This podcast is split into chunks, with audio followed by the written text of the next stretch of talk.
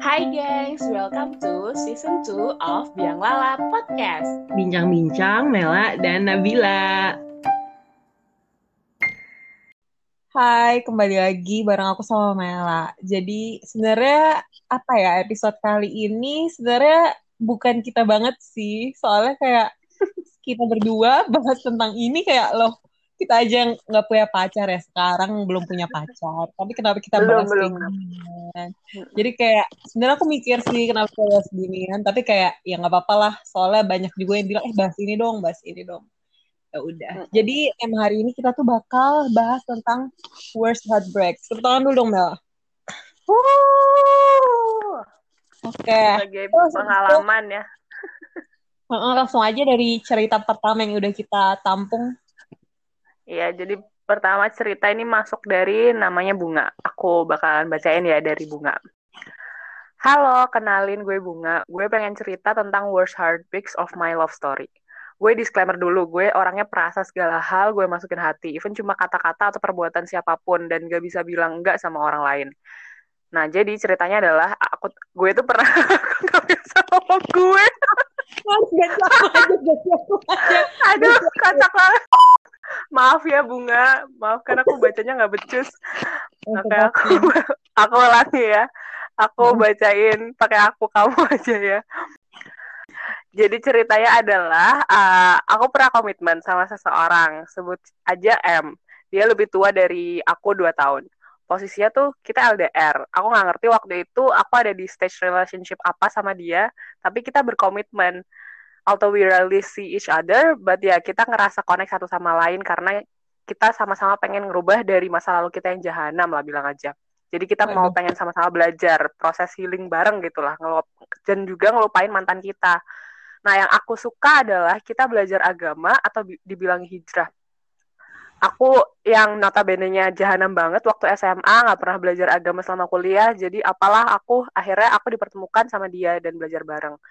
Selama 5 sampai 6 bulan bareng, eh, suatu ketika mantannya tuh mulai deketin dia lagi. Awalnya cuma nanya kabar, terus aku orangnya nggak tegaan sama orang, jadi ya aku jawab aja nggak apa-apa, jawab aja, kasihan dia sendiri. Nah, bermula dari situ, tiba-tiba sifat dia jadi berubah. Jadi mulai lama buat balas chat aku, mulai jarang telepon, mulai hilang-hilangan. Aku harus tahu diri, tahu diri dong. eh, aku bukan siapa-siapa. Kita cuma komitmen aja. Aku juga suka ngebatin kalau tiba-tiba dia balik sama ceweknya gimana ya? Apa aku siap? Ya udah sampai suatu ketika kejadian itu terjadi, aku dengan sok tegar ngomong, nggak apa-apa temenin aja, kasihan dia sakit karena Oh. ceweknya ini ada punya penyakit terus mulanya 24 per 7 ada terus sekarang jadi nggak pernah komunikasi lagi kalau ditanya shock iya nggak usah ditanya ya aku soalnya perasa banget anaknya ya ampun jadi niatnya mau belajar bareng belajar agama bareng eh malah ditinggal selingkuh sama mantan Aduh, hey bunga. Tapi aku baca ceritanya dia terus kayak terlintas di pikiranku kayak aku ngerasa aku tuh bunga gitu loh. Karena kayak aku perasa Oh, banget iya. kan bunga. Sebenarnya itu salah sih menurut aku. Menurut kamu gimana? Men- Salah. sih. Menurut aku iya sih, aku juga bisa bayangin jadi bunga. Kamu tahu nggak sih, Nap, aku pernah tes EN, eh, tes ini loh, MBTI, terus hasilku tuh ENFJ, Iya. dan F-ku 100% Nap. Jadi tidak diragukan lagi betapa perasanya aku. Nah, tapi menurut aku ini sih, itu juga jadi salah satu pelajaran juga dari aku dan mungkin bunga dan teman-teman yang lain yang perasa banget, coba untuk lebih asertif dan bisa nolak gitu untuk sesuatu gitu. Kita kita punya batasan kese- apa batasan yang sehat gitu sama orang lain gitu. Jadi ya kalau udah ngelewatin batas ya komunikasikan itu gitu. Kalau kita nggak mau sesuatu ya kasih tahu gitu sih. Hmm Bener. Kasihan ya bu Betul, ini ada, ini dia punya pesan gak sih? Si bunga punya pesan gak sih? Jadi ini ada pesan juga dari Bunga. Dia bilang kalau percaya ya Mhm. patah hati terbesarmu bisa menjadi titik balikmu untuk berkembang. Karena si Bunga ini ternyata setelah dia patah hati itu dia malah jadi eh, mencoba bangkit, terus dia nyoba apply intern, ikut lomba-lomba, aktif di kampus, dan dia malah pengen membuktikan diri ke dia atau siapa pun kalau eh, dia tuh si Bunga ini tuh berhasil. Jadi uh, si bunga ini pengen buktiin ke diri sendiri kalau aku tuh bisa terlepas dari masa terpuruknya dia gitu. Dan mereka sebenarnya masih berhubungan baik dan dia malah pengen berterima kasih karena adanya kehadiran si cowok itu si bunga ini nggak bakalan berubah hmm. gitu. Jadi malah jadi lebih baik gitu karena kenal sama si cowok ini. Bagus sih. Jadi dia ngambil positifnya gitu dari patah hati yang dia hmm. alami. Bener. Pasti kalau patah hati itu pasti ada galaunya. Jadi kayak ya udahlah nikmatin aja prosesnya. Ntar juga kalau kita dewasa, pas kita lihat pas kita galau, kita pernah nge-tweet, nge-post ini pasti kayak aduh malu banget. Kok kita pernah kayak gitu ya?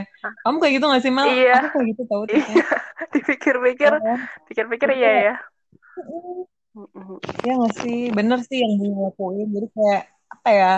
Dia mencoba mencintai diri dia sendiri dengan melakukan hal-hal kayak gitu. Mm-mm, benar. Berusaha positif. Dan akhirnya dia berhasil juga kan. Uh-uh, benar itu. Aku setuju banget sih yang mencintai diri sendiri karena dengan kita mencintai diri sendiri, kita merasa cukup, kita merasa fulfill tanpa orang lain mencintai kita pun kita udah merasa cukup gitu. Nah, kita move ke cerita kedua aja nih. Ayo. Ayo, Nap. Oke, okay. jadi cerita kedua adalah cerita dari Ratu. Oke, okay. aku tuh memiliki hubungan dengan seseorang laki. Kita telah melalui segala sesuatu bersama selama 7 sampai 8 bulan. Sampai satu ketika aku mendatangi dia di kotanya. Dia selalu mencari alasan untuk tidak ber, tidak bisa bertemu sama aku.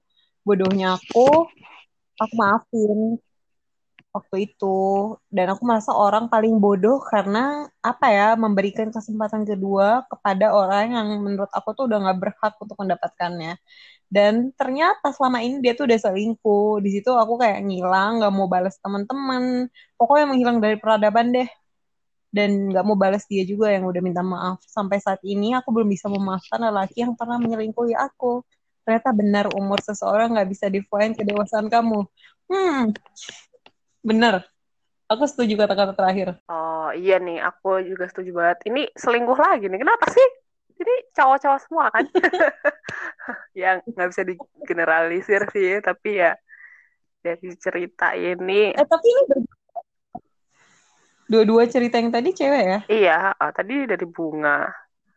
Ini juga ini dari ratu. ratu. Jadi pasti ya cewek kan yang selingkuh cowok. Hmm. hmm.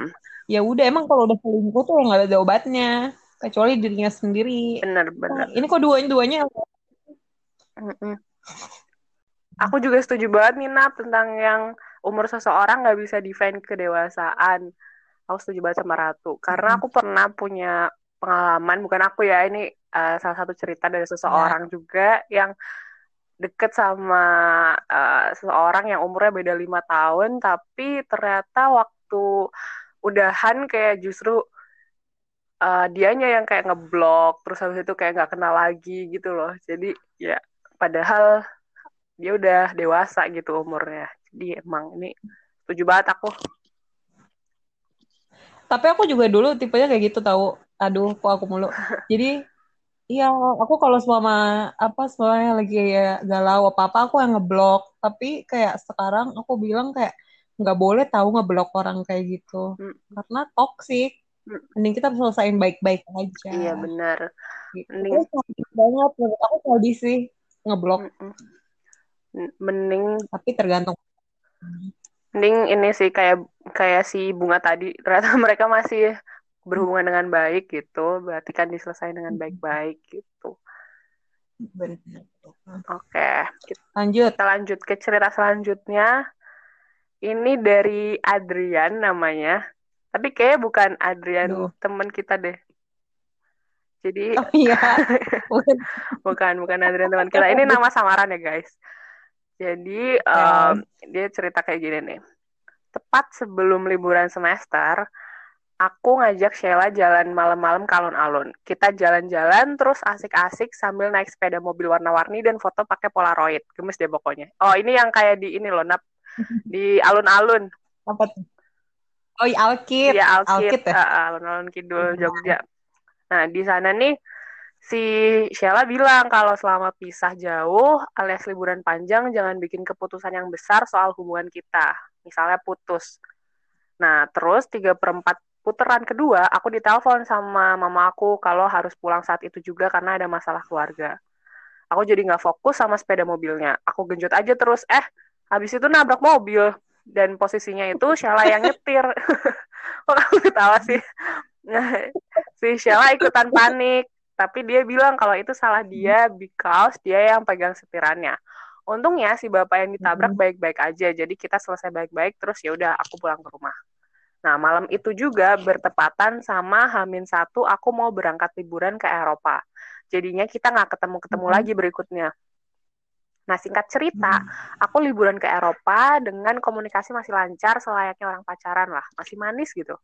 Nah, pas pulang dan sampai ke Jogja, nggak ada angin, nggak ada hujan, dia ngajak telepon malam-malam mau bilang sesuatu yang serius wah ini udah mulai nih. Nah, terus di telepon dia bilang, dia udah nggak ada rasa buat aku. Aku langsung kaget banget kayak ini datang dari mana anjir. Tuh.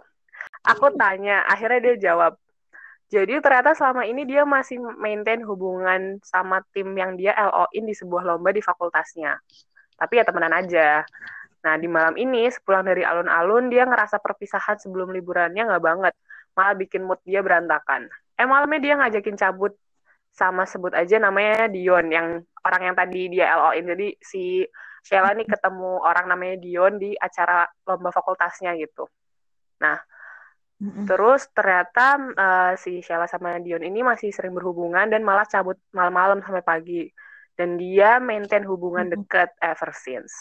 Dia pakai alasan kalau aku tuh nggak fully present there, terus dia ngerasa dia bisa-bisa aja jalan sama cowok yang dulunya pernah suka sama dia dalam proses putusin itu aku mulai sebutin semua kesalahan dia mulai sebutin semua kesalahan yang pernah aku lakuin selama pacaran padahal sebelumnya nggak pernah berantem sama sekali termasuk waktu nabrak itu pas putus dia malah bilang kalau itu nabrak gara-gara salahku. Aku udah bujuk mm-hmm. sedemikian rupa sampai ngingetin kalau dia sendiri yang bilang kalau pas jauh jangan bikin keputusan besar. Dan dia bales dengan kalimat mau sekarang atau mau nunggu nanti pas ketemu hasilnya bakal sama aja Nah, malam itu, malam pertama aku nangis-nangis gara-gara cewek. Pada akhirnya aku mutusin buat ke Jakarta nemuin dia. Waktu ketemu, we seems fine, tapi dia kekeh untuk bilang kalau dia udah nggak ada rasa. Akhirnya ya udah kita mutusin buat jalan as a couple for the very last time. And I kid you not, I wish that moment could last forever. Akhirnya sampai ke waktu dia harus pulang, sebelum pulang aku nanya, is there anything I can do to make you stay? Terus dia diem. Dia ngasih tas laptopnya ke aku, dan uh, she kiss my cheek. Dia bilang itu jaminan kalau kita bakal ketemu lagi. Aku jadi punya harapan lagi dong. Singkat cerita, terus aku pulang ke Jogja dan uh, di hari dia datang, dia tetap bilang kalau dia mau putus. Jadi, aduh, ini sama nggak sih selingkuh? Ternyata nggak cuma cowok aja nih, ada juga cewek gitu. Saya nggak mengenal gender. Duh, gimana ya? Ini karena tergoda tapi ya emang namanya cinta pasti ada di masa-masa jenuh nggak sih Nap? Cuma ya hargain juga dong orang yang lagi sama kita ya kalau misalnya emang kita jenuh ya komunikasiin gitu jangan ambil kehendak sendiri egois sendiri terus deket sama orang lain gitu tanpa ngasih tahu. Ya ngasih Nap? Menurutmu gimana Nap? Tapi tiga-tiga ceritanya ini ya LDR gitu ya Berarti problemnya sama LDR dong. Oh Nggak iya bisa sih. juga sih. Tapi sebenarnya mereka sih. LDR juga cuma sebentar, kan maksudnya kayak cuma waktu liburan. liburan. Uh-uh. Oh si Adriani juga bilang um, dia tuh ngel- ngelaluinnya adalah dengan cara dia nganggep kalau si Sheila ini doesn't deserve to have a spot in my mind, gak worth it buat digalauin dan dipikirin. Terus dua minggu berikutnya setelah putus, uh, hmm.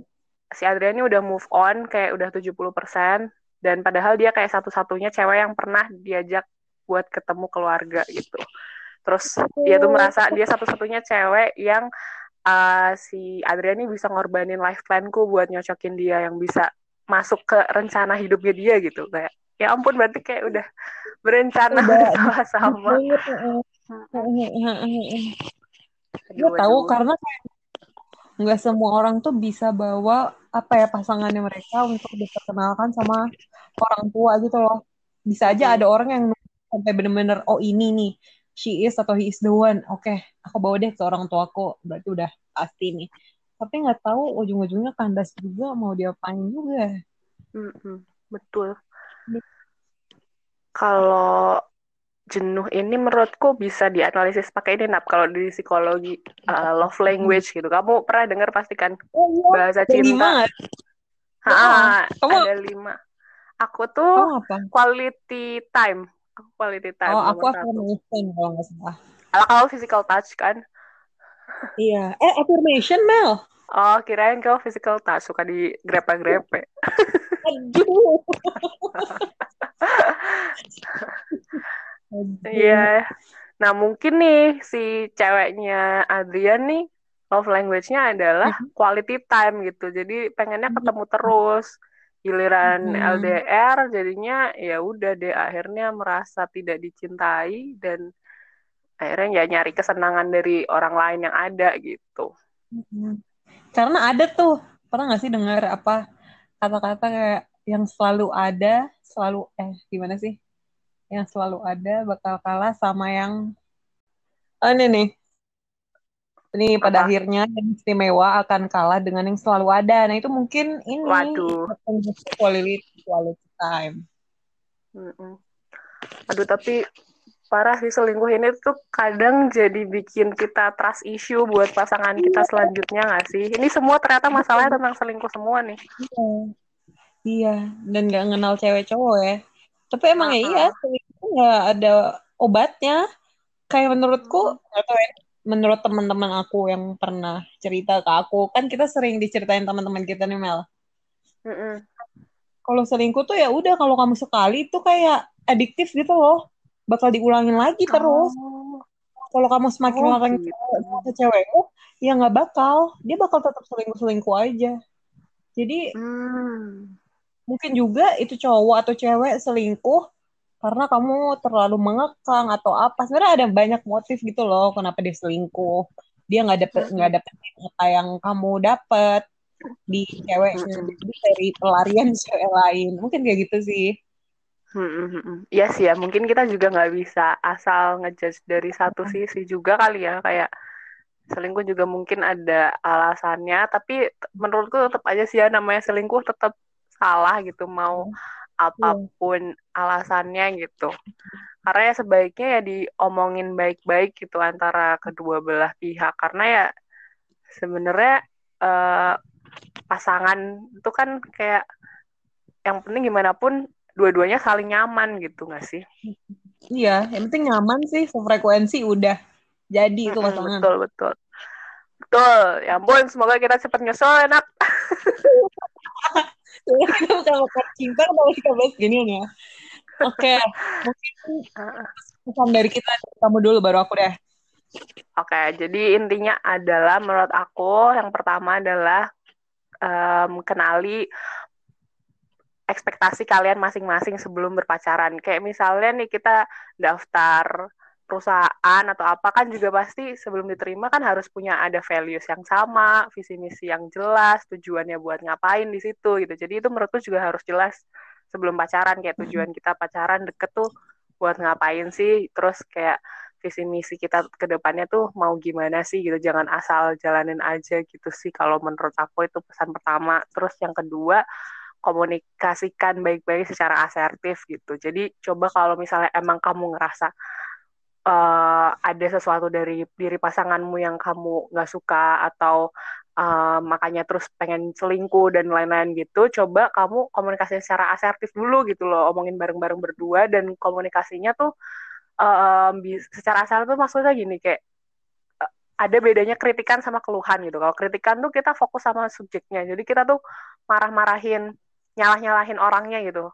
Misalnya nih ada pasangan kita yang ngupil gitu, kita nggak suka dia ngupil.